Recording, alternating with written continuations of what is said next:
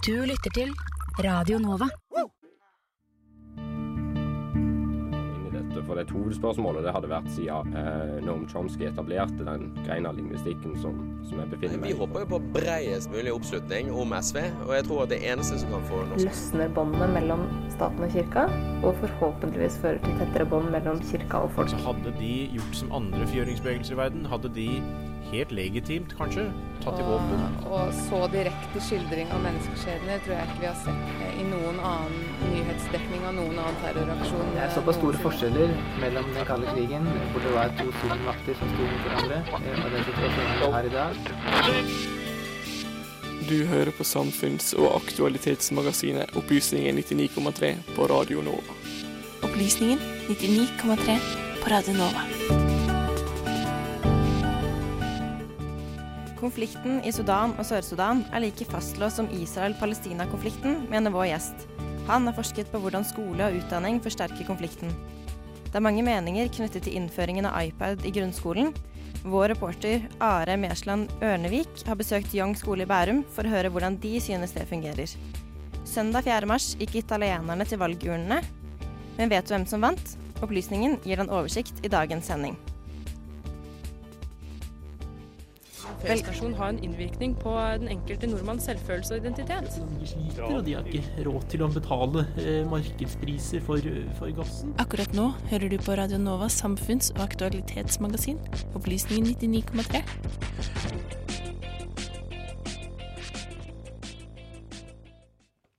Velkommen til Opplysningen 99,3 denne fredagen 9. mars. Du lytter til Radio Novas samfunns- og aktualitetsmagasin. Og her i studio er vi to programledere i dag. Kristine Brastad Dammen Hei, hei. og meg, Anna-Lea Thorseth Poppe. Og vi skal lede deg gjennom den neste timen her på kanalen. Ja, og dagens sending den byr jo på mye forskjellig.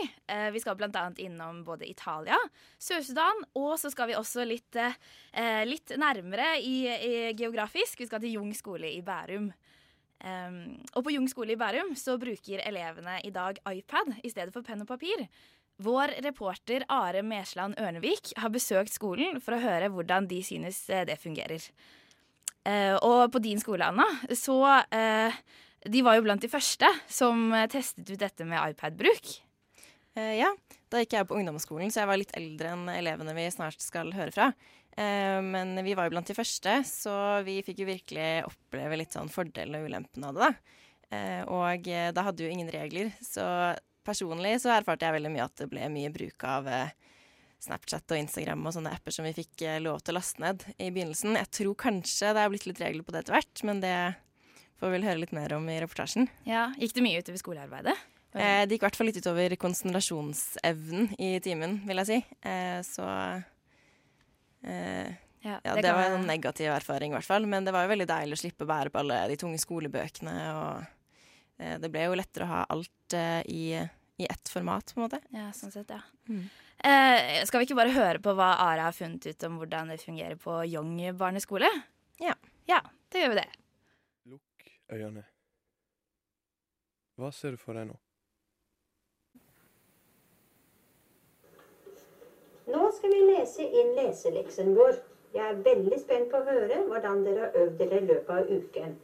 Lykke til! Så du får deg en eh, dame fra et eldgammelt klipp fra noe som kan ligne på Filmavisen, så tar du feil.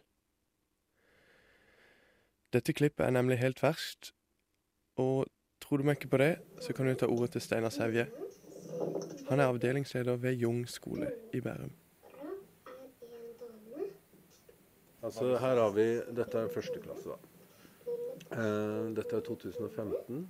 Eh, 12. oktober begynner eh, eleven å lese inn tekst i Showby. Showby er en såkalt produksjonsapp som brukes på nettbrett, bl.a. i lese- og skriveopplæringa ved Jung skole. Og det dere hører i bakgrunnen her, det er Sofie på fem og et halvt år som leser hjemmeleksa si. Hun leser hjemmeleksa si på en plattform som både lærer, foreldre og potensielt medelever kan bruke. Og dette for det beste for Sofie.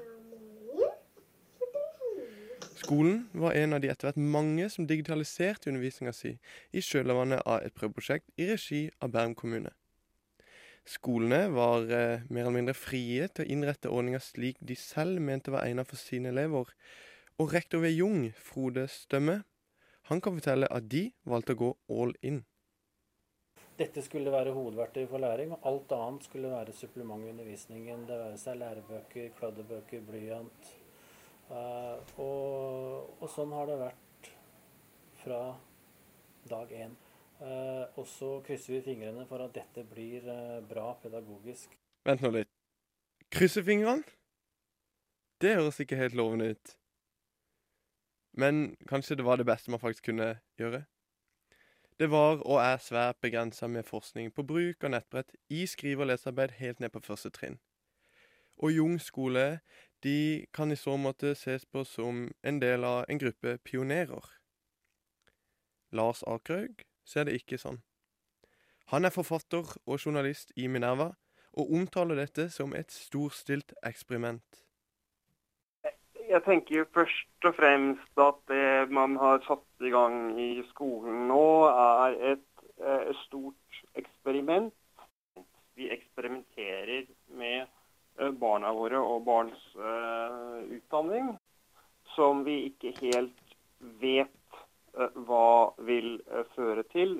Vi vet ikke hva slags resultater det vil gi. Men la oss nå høre, da. Hvordan gikk dette? Eh, alt handler jo om læring. Eh, så vi så at, eh, at dette løftet oss pedagogisk. Jeg syns det fungerte veldig bra. Ja.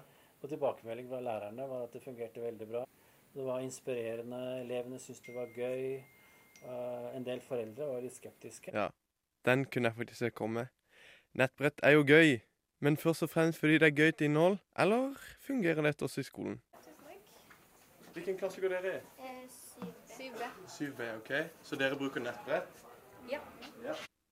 Anne Sofie og Katrine de henter inn for å dele sin erfaring. Over en kopp kakao kan de fortelle om fordeler som kom med nettbrettet da det ble dratt inn i deres læringsmiljø. Altså kjappere læring, kanskje? Mm. Ja. Altså kjappere tak i informasjon, internett, mm.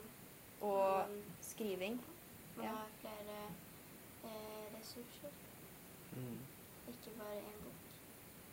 De kan også fortelle om flere nedsider ved bruk av penn og papir. De gikk nemlig i fjerde klasse da skolen valgte å gi ut iPader, altså fire år senere enn dagens førsteklasseelever ved Jung skole. Men hva med ulempene knytta til nettbrett? Hva med ulempene som kommer med fri tilgang til alle verdens spill og underholdningsressurser som kommer med nettet? Hva med barnas konsentrasjon? Det kan ikke være lett for en elev på fem-seks år å skulle tenke konsekvenser. For med nettbrett, da Har man fristelser hele tida. Nettopp! Lærer Torstein Mjøs kan bekrefte at dette er en utfordring knytta til nettbrett. For som han selv sier man ikke, Hvis man ikke har eh, data, iPad, så har man ikke de fristelsene like mye. Eh, så det, det, krever å være en tydelig klasseleder og ha klare mål for hva som er greit og ikke. Tror du det er viktigere med en iPad? Eh, ja.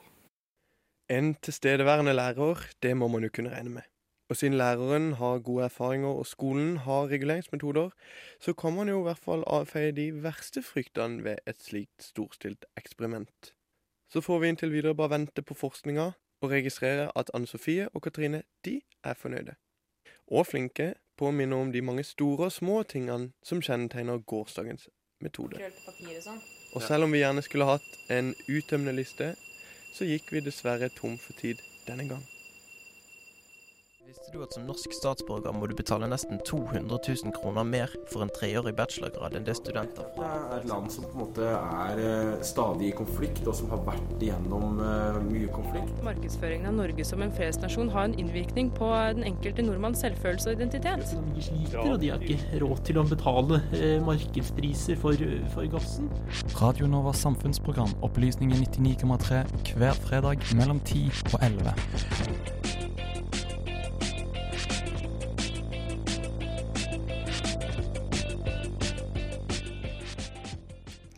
søndag den 4. mars var det valg i Italia.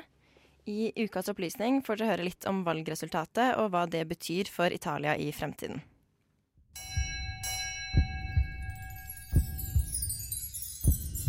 Ukas opplysning.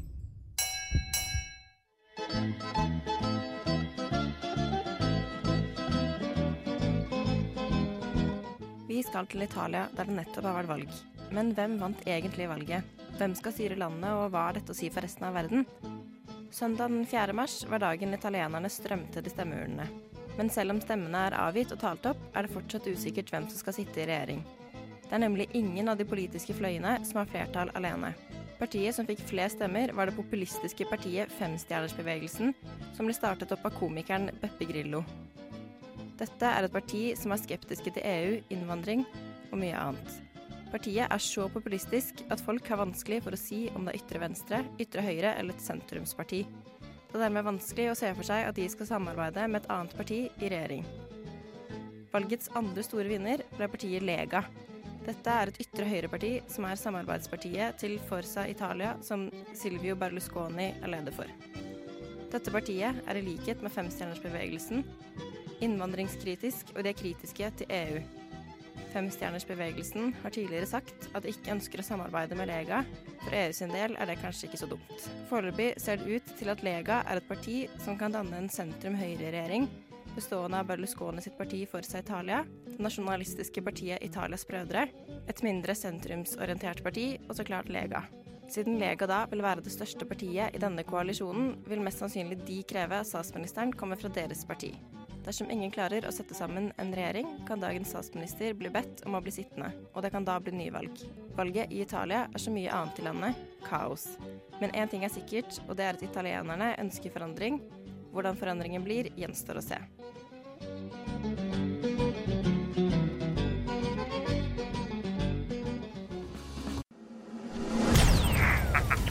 Du på. Radio Nova. Radio Nova. N-O-V-A Nova. Listen to me. Yo, are you listening? Hvilken rolle har utdanning å spille i et nyfødt og konfliktherjet land? Det spør vi oss i opplysningen her i dag, når vi nå skal ta et nærmere blikk på konflikten i Sør-Sudan.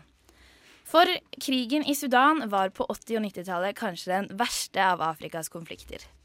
Landet har en fortid som britisk og egyptisk koloni, og har siden da blitt preget av autoritære styresett og dype religiøse og kulturelle konflikter. I 2005 begynte man en fredsprosess i Sudan mellom nord og sør, der Norge var sterkt involvert som en del av den såkalte troikaen sammen med England og Frankrike. Etter folkeavstemningen i 2011, hvor 99% av befolkningen i sør stemte for selvstendighet, rev Sør-Sudan seg løs fra Sudan og opprettet en selvstendig stat. Motstanden mot nord hadde imidlertid vært en samlende faktor for befolkningen med ulik etnisk bakgrunn i sør, og i 2013 brøt det på ny ut borgerkrig i Sør-Sudan. Krigen har ført til hungersnød og økonomisk kollaps i landet, og i dag er rundt 2,4 millioner mennesker drevet på flukt fra Sudan. Det viser tall fra FNs flyktningkommisjon. Eh, Anders Breilid er professor ved Fakultet for lærerutdanning og internasjonale studier ved Oslo OsloMet. Velkommen i studio. Å, takk. Eh, jeg tenkte aller først at vi kan begynne med eh, å spørre, eller jeg kan spørre deg, hvorfor brøt det på ny ut borgerkrig i, i, eh, i Sør-Sudan i 2013? Ja, det var også frigjøringsbevegelsen SPLM, Sudan People's Liberation uh, Movement, som hadde statsmakten der uh, etter løsrivelsen. Uh, og den tidligere opprørsgeneralen Salwa Kiir ble president. Og nestlederen Riyak Mashar ble visepresident. Så varte freden i, i ca. to år. I juli 2013 så ble Riyak Mashar avsatt som visepresident fordi han hadde begynt å stille spørsmålstegn ved sentraliseringen av makten som han mente Kiir hadde foretatt. og så skjedde det et opprør antageligvis i desember 2013. Uh, Salwa i hvert fall mente at Riyak Mashar sto bak et statskupp. Og etter det, det var i desember, midten av desember, og etter det så har det vært krig mellom Salwa Kiir og Riyak Mashars tilhengere. Også andre grupper har vært med på dette. Kan, du si litt om hvem som er partene i konflikten? Ja. Det er jo primært en etnisk konflikt mellom uh, dinkaer. Uh, Salwa Kiir er dinka, og Riyak Mashar er nuer. Det er de to største etniske gruppene i Sør-Sudan. Mm. Så SPLM er Ja, SPLM er, er eh, gruppa til Salwa Kiir, Mm. eh, men uh, Riyak Mashar eh, har uh, en gruppe som man kaller SPLM in opposition. OK. Så, eh, og så er det andre også grupper. og Det kan være, altså det er en hovedkonflikt mellom dinkaene og nurene, men det er Nure som støtter dinkaene, og dinkaene som støtter Nure, Så det er ikke en, bare en etnisk konflikt, det er også en konflikt om makt, selvfølgelig, men om også statskassa. altså, korrupsjon er jo velkjent der som mange andre steder i Afrika. Mm. Så det er i veldig stor grad eh, en kamp om, om makt og, og statskassa, ja. Mm. Men det jeg sa helt innledningsvis om at eh, disse gruppene sto samlet mot eh, Nord-Sudan eh, tidligere, eller før eh, selvstendigheten, stemmer det? Ja, Det stemmer til stor grad. Nord var jo, er jo eh, muslimsk, og mens, det, mens sør er, eh, er kristent. Eh, sånn at da nord eh, prøvde å ha, ha kontroll over eh, sør, eh, så var det naturlig at de forskjellige eh, etniske gruppene samlet seg i en motstandskamp mot, mot nord. Mm. Eh, Det var selvfølgelig også da interne konflikter eh, i, i sør, men, men det ble overskygget av den store motstandskampen mot nord. Mm. Men det er jo utdanningen vi skal snakke om i dag, og utdanningens rolle i konflikten. Mm. du har forsket mye på skole og utdanning i Sør-Sudan, og du har også bl.a. vært utdanningskoordinator for Kirkens Nødhjelp i Sudan. Uh, og du vil hevde at utdanning, i motsetning til hva man kanskje skulle tro, uh, forsterker konflikten i, i Sudan og Sør-Sudan. Em, for å forstå den rollen som utdanning spiller, så kanskje vi skal gå litt tilbake i tid eh, til hvilken rolle utdanningen har spilt. Er det lurt, tror du? Ja, det, det, For det har jo skjedd mye. Revolusjoner eh, i, eller omskrivinger av, eh, av utdanningsprogrammer osv. Ja, altså, Det er interessant å gå tilbake til uh, Bashirs utdanningsreform i Ja. 1980. Om, Hvem er Omar Hassan Ja, er- Ahmad al-Bashir? Det er presidenten i, i det nåværende Sudan, da. Ja. Tidligere Nord-Sudan. Mm. Og eh, han uh, reformerte utdanningssystemet til å bli et eh, muslimsk, islamistisk utdanningssystem. Når gjorde han det? Eh, ja, 19, han kom til makten i 1989, dette ble vel gjennomført i 1991. Uh, og det betød også utdanningssystemet i sør, uh, altså den kristne delen av Sudan, uh, måtte eh, ta til seg og måtte innføre en, en islamistisk utdanningsdiskurs. da. Eh, og det var jo eh, veldig provoserende for sørsudaneserne, eh, som er kristne primært. Og det var faktisk sånn at mange eh, ungdommer i, eh, i sør eh, grep til våpen fordi de ikke tolererte at eh, deres utdanningssystem var ikke bare muslimsk islamistisk, men også hadde en veldig sterk arabisk komponent. Eh, selv om flertallet i Nord-Sudan ikke er arabere. Eh, men likevel så er det en indre Khartoum-kjerne som ønsket også å arabisere utdanningssystemet. Og det var veldig lite om kultur, historie eh, fra, fra Sør-Sudan, om, om noe i det hele tatt. Mm. Og ja, og dette spilte inn på konflikten, eller spenningene mellom sør og nord, på den måten at, at ungdommen da ble frustrerte. For at Ja, de ble lært noe annet enn det de følte tilhørighet. Ja, og så skulle jo også utdanningsspråket være på arabisk. Og det er jo ikke et språk som, eh, som er naturlig å, å tale i, i Sør-Sudan. For de snakker fransk?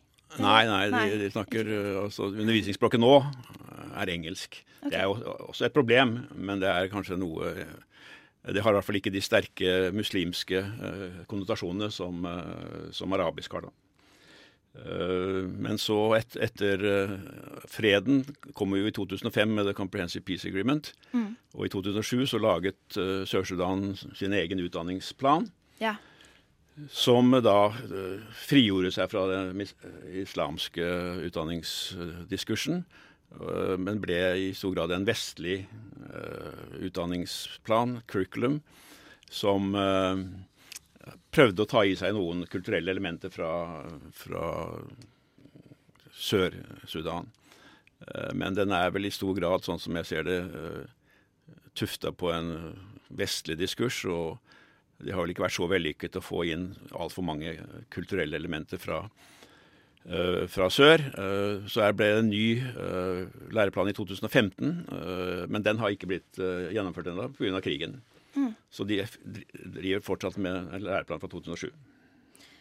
Men kan du si litt om hvordan Altså hva er det som læres på skolene i Sør-Sudan i dag. Hvilken historie er det som fortelles, f.eks.? For ja, det er jo interessant, for jeg har en doktorgradsstudent som har sett på historieundervisningen i, i Sør-Sudan. Og det hun har funnet ut uh, ved å være til stede på undervisningen og intervjue lærere og elever, er at de er veldig fokusert på konflikten, den tidligere konflikten mellom nord og sør. Uh, og da er nordsjødaneserne nordsudaneserne fienden. Og det er et veldig relativt unyansert bilde som tegnes av den. Men det er veldig fokus. Og at sør-sudaneserne var, sør var, samlet i en opp, uh, frigjøringskrig mot, uh, mot, nord. Men det som er interessant, er at uh, det snakkes ikke noe i historietimene om den etniske konflikten innad i, i, i sør.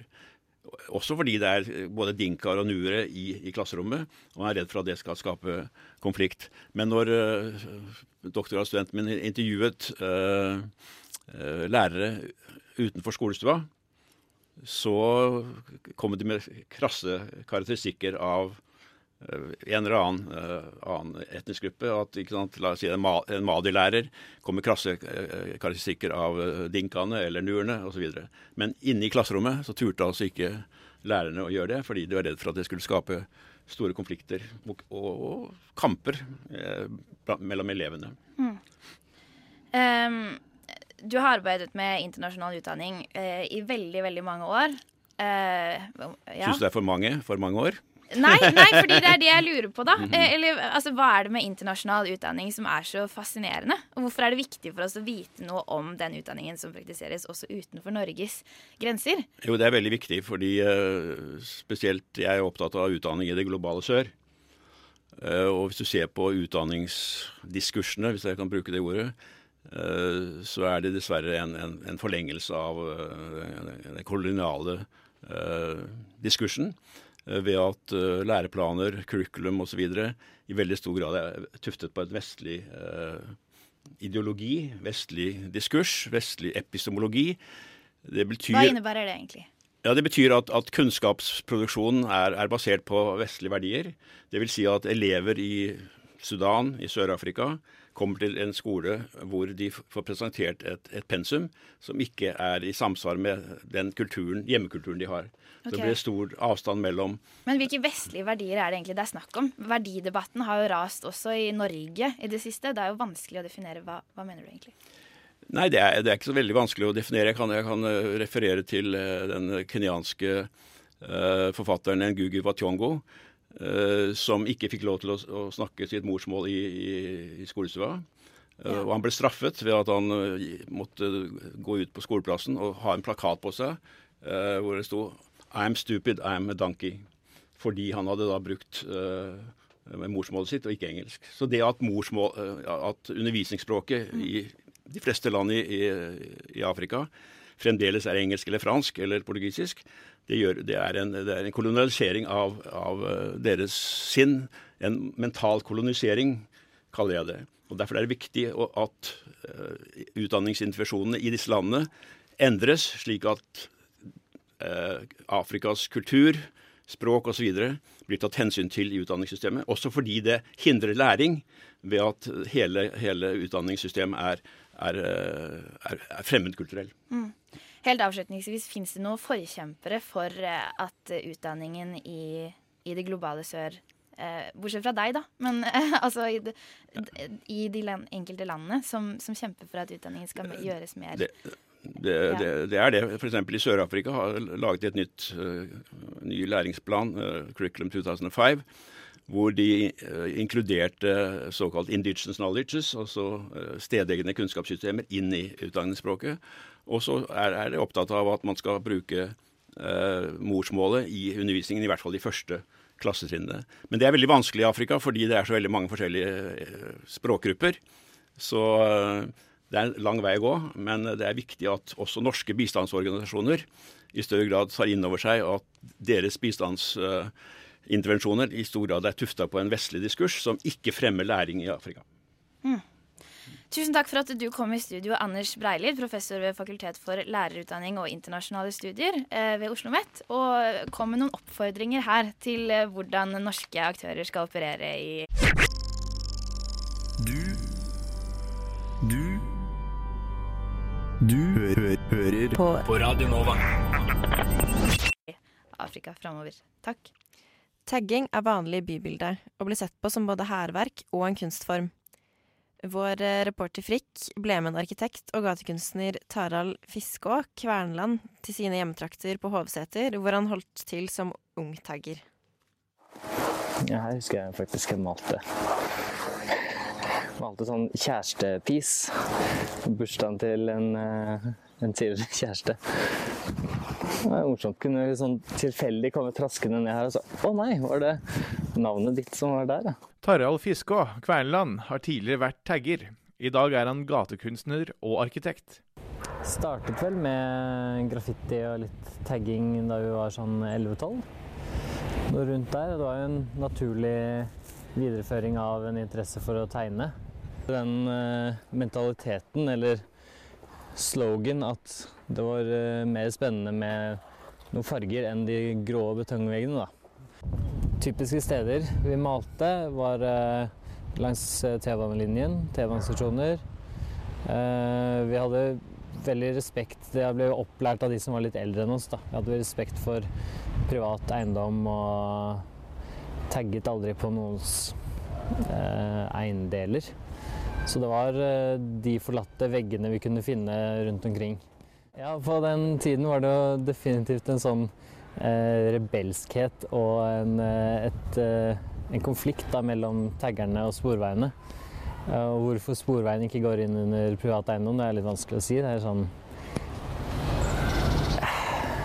det, er, det, er, ikke en privatperson, da. Det, er, det går ikke utover noen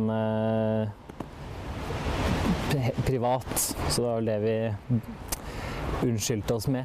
Så har vi jo de stedene for de litt ekstra eventyrlystne. Som det å gå opp og balansere bortover den eh, ganske smale kanten og få satt sitt uh, inntrykk. En viss del av taggingen er, er, for meg fremdeles tagging, og jeg har ikke den sånn stor uh, store verdien, men det er en del av kulturen, og det har sin plass.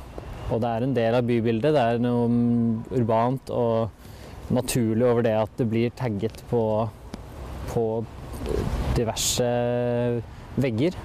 Men graffiti er en kunstform. Det er noen som eh, ikke har satt pris på de som har vært og malt tidligere. Selv om Kjerneland Kjernland ikke tagger aktivt lenger, hender at han møter opp med gamle kjente. Jeg er ikke imot en, en gang i året kanskje samles noen gamle kamerater og, og gå og lage, lage noe graffiti, men da er det mye enklere og greiere å gå til en lovlig vegg og ha det trygt og fint.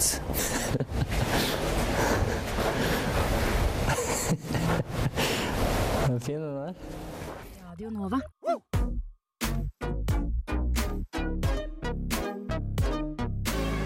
Radio Nova. Studentradioen i Oslo. Radio Nova. Ja. ja. Hva? Nova? Ja. Heismontørenes fagforening var på 80- og 90-tallet en av Norges mest kampklare fagforeninger. Vi skal nå få et gjenhør med et intervju vi gjorde tidligere i høst med lederen for Heismontørenes fagforening, eh, hvor vi spurte han eh, hvordan det står til eh, i, i rekkene i dag. Hør her. For noen dager siden kunne vi høre Støre gikk ut og sa at vi har et alvorlig problem med norske fagforeninger. I bygg- og anleggsbransjen så er organiseringsgraden noen steder nede i hele 10% beskrevet som amerikanske tilstander hvor den norske trepartsmodellen er fullstendig fraværende. Retten til å organisere seg er en av de viktigste rettighetene i norsk arbeidsliv. Men likevel så ser vi at mange fagorganisasjoner har synkende medlemstall. Og i noen, f.eks. som Handel og Kontor, sier at de har i praksis null kontroll over arbeidslivet.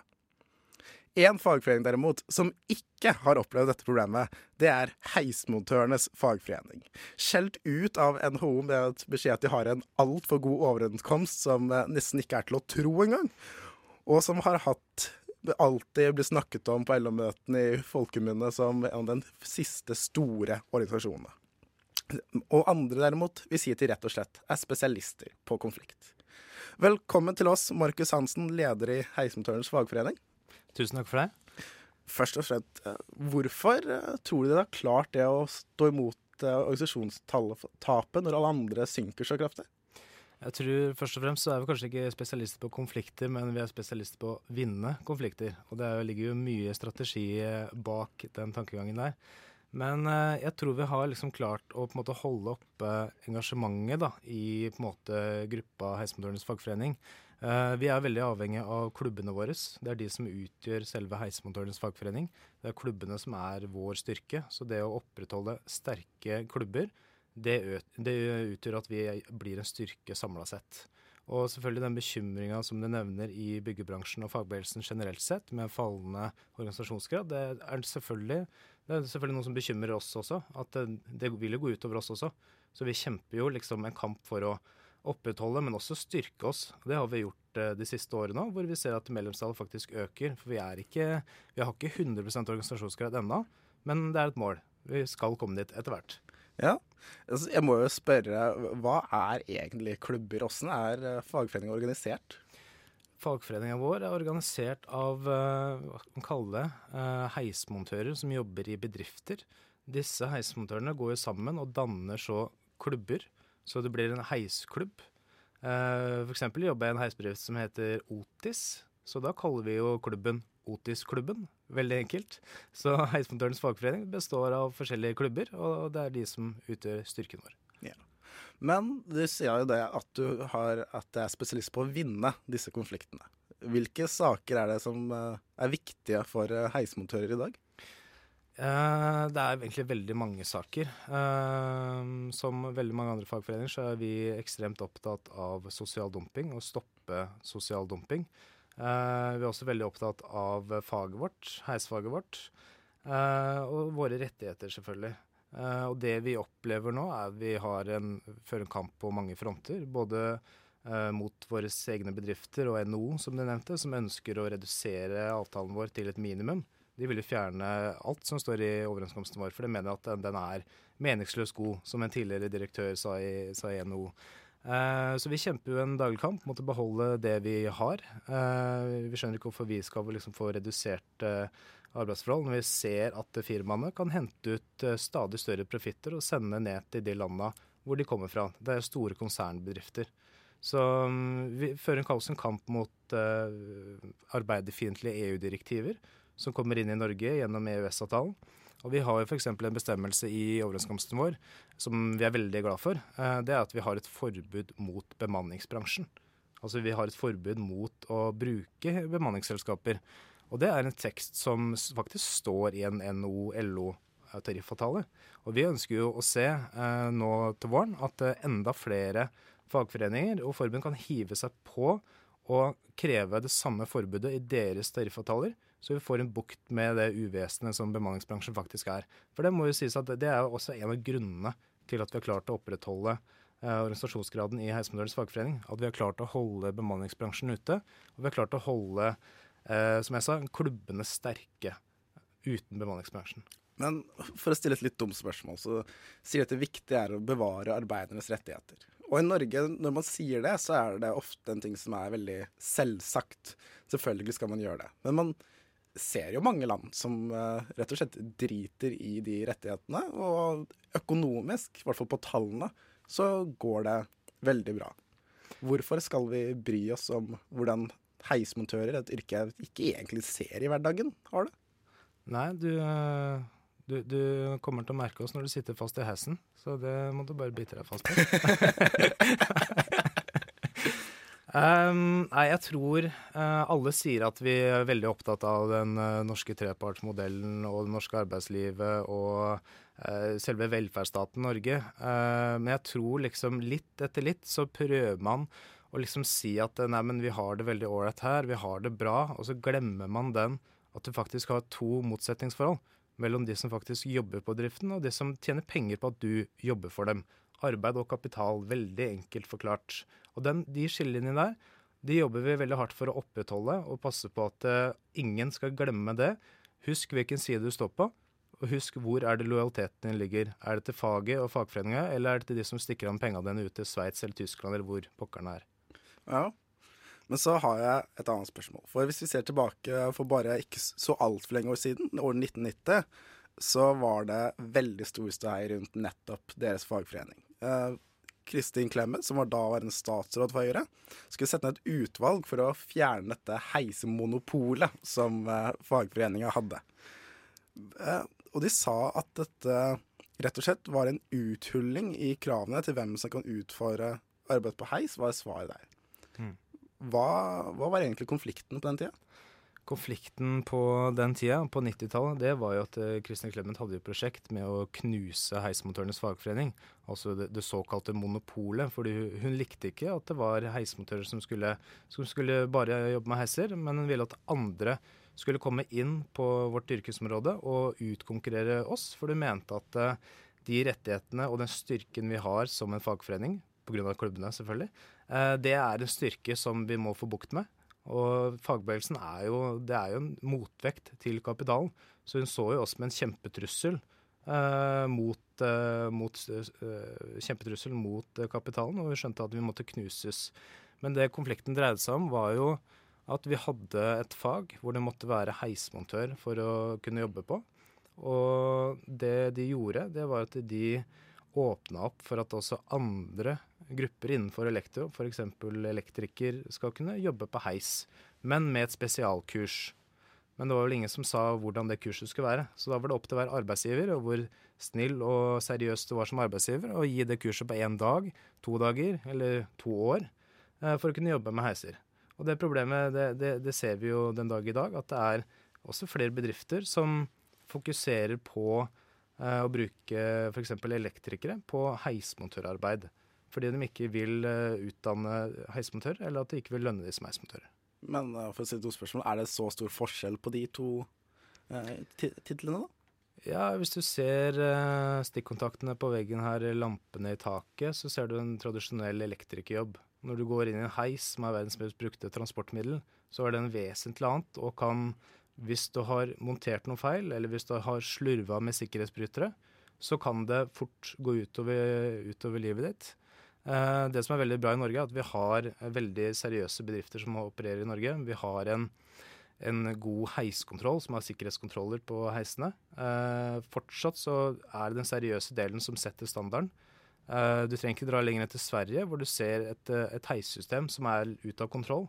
Så man har et system som man ikke Man veit ikke hvor er det heisen er, hvor er det installert, hvor ofte har de kontroll. Så der kan man komme til en heis som ikke har hatt en, en service på sju år. Og så plutselig har det kommet noen som ikke er autoriserte til å jobbe på heisen, og bare skal sette i gang heisen. Og så har de kobla over samtlige brytere, kanskje samtlige dører som er sikkerhetsfunksjoner. Alle dørene må jo være lukket før heisen kan gå, ikke sant. Og det de kanskje har gjort, er at de har kobla over sikkerhetsserien, som vi kaller det. Og da vil jo heisen gå hele tida, selv om dørene er oppe. Og hva kan skje da? Jo, kan det skje fort ulykker. Mm. Så vi mener at eh, faget vårt er en sammensetning mellom elektro og mekanisk.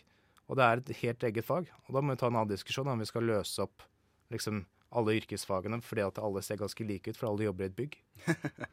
Så er det et godt poeng. Men det jeg lurer på da, er jo Altså, dere fikk jo gjennomslag på den tida. Uh, hvis jeg mener, st Står det i notatet her? Du rister på huet? Nei, vi fikk jo ikke gjennomslag uh, for å beholde heisfaget som uh, det faget som skal kunne jobbe på heiser. Mm. Så i dag er det åpent. Så den heisen dere har rett borti gangen her, det kan hende ikke bli arbeida på en heismotør, men av en elektriker som ikke har heismotørfagbrev. Så nå ser jeg at du kommer til å ta trappa etterpå. Da ser vi at den klassiske feilen som ungdomsskolelæreren min advarte mot, ikke stol for mye på Wikipedia. for der sto det faktisk det motsatte. Fordi det jeg skulle spørre om, er at um, jeg har jo vært på mine LO-møter selv, hvor man hele tida hører snakk om denne fagforeninga, som har så veldig stor gjennomslagskraft. Uh, og så tenker jo jeg litt sånn Det bygges jo ikke heiser så ofte, vil jeg tro, at det bygges nye. Jo. Virkelig? Det gjør det. Hvis du har sett alle de ja. kranene rundt i byen f.eks., så er det jo som regel en byggeplass, og da er det alltid heiser som skal inn. Fordi Ofte to-tre heiser. Det jeg tenkte på, var på en måte hvorfor har det så stor gjennomslag? Fordi hvis dere streika, hadde jeg merka det. tenker liksom samling f.eks. jernbanestreiken i, i, fjor, så merka man det veldig godt mm. når konduktørene var ute. Mm. Men hvis heismontøren ikke dukker opp på jobb i dag, er det noe jeg hadde lagt merke til i det hele tatt? Uh, det er ikke sikkert du hadde lagt merke til det. Altså Det vi ønsker ved, når vi streiker, det er jo ikke ramme uh, tredjepart som deg selv. Altså Når vi streiker, så er det for å ramme arbeidsgiverne og NO. Så vi er en oppfatning at du skal jo ikke rammes av streika. Mm. Så hvis du ikke hadde merka at vi var ute i streik, så hadde vi klart å få gjennom det vi ville da.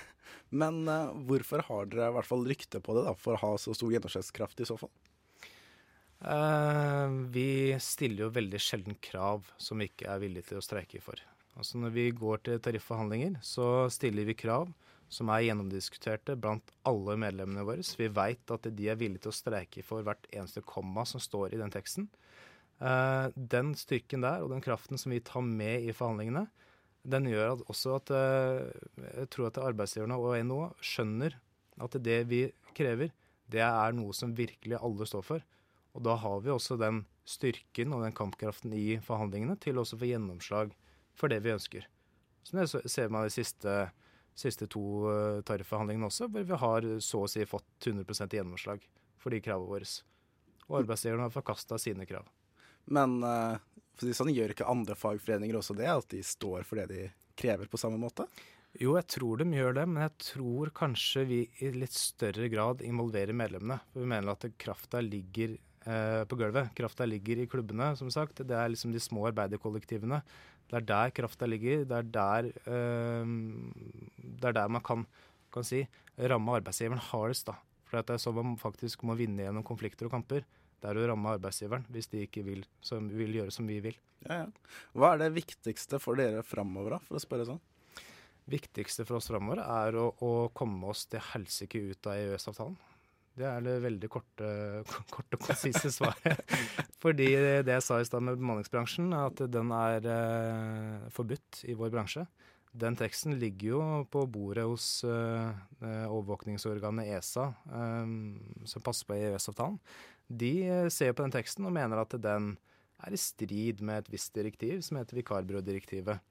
Så vi venter bare på det, at de skal si til oss at uh, den teksten dere har, den er rett og slett uh, diskriminerende for bemanningsbransjen. At dere må slippe bemanningsbransjen til, dere også. For det har vi, det har vi gjort i de andre. Så vi, vi, vi, skal kjempe med nebb og klør, og vi kommer ikke til å fjerne komma fra den teksten. Og det synes ikke veldig synd på bemanningsbransjen som kan gi andre folk arbeid, altså? jeg syns synd på de som blir pressa til å jobbe i bemanningsbransjen fordi de ikke får jobb et annet sted. De syns jeg virkelig synd på. Mens de som gjør seg rike på andres arbeid, de kan egentlig finne seg noe annet å gjøre. Altså. Ja. Da sier jeg tusen takk for at du kunne komme til eh, studio i dag. Takk for invitasjonen. Så får du ha lykke til i de neste tariffoppgjørene. Takk for det. Takk for det. Da skal vi høre litt mer musikk her på Radio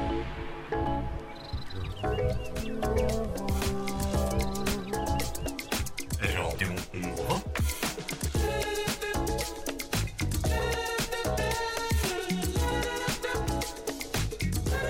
Radio Nova. Nova. 24 timer i døgnet, syv dager i uka. DAB, nettspiller og mobil. Og det var det vi hadde i ukas avsnitt av Opplysningen 99,3. Medvirkende denne uka det har vært Frikk Helvik, Are Mesland Ørnevik, Erik Gabo Ekeberg Nilsen. Og i studios var eh, Anna Lea Thorseth Poppe og jeg, Kristine Brastad Dammen. Tekniker har vært eh, Annika Selin Bogen.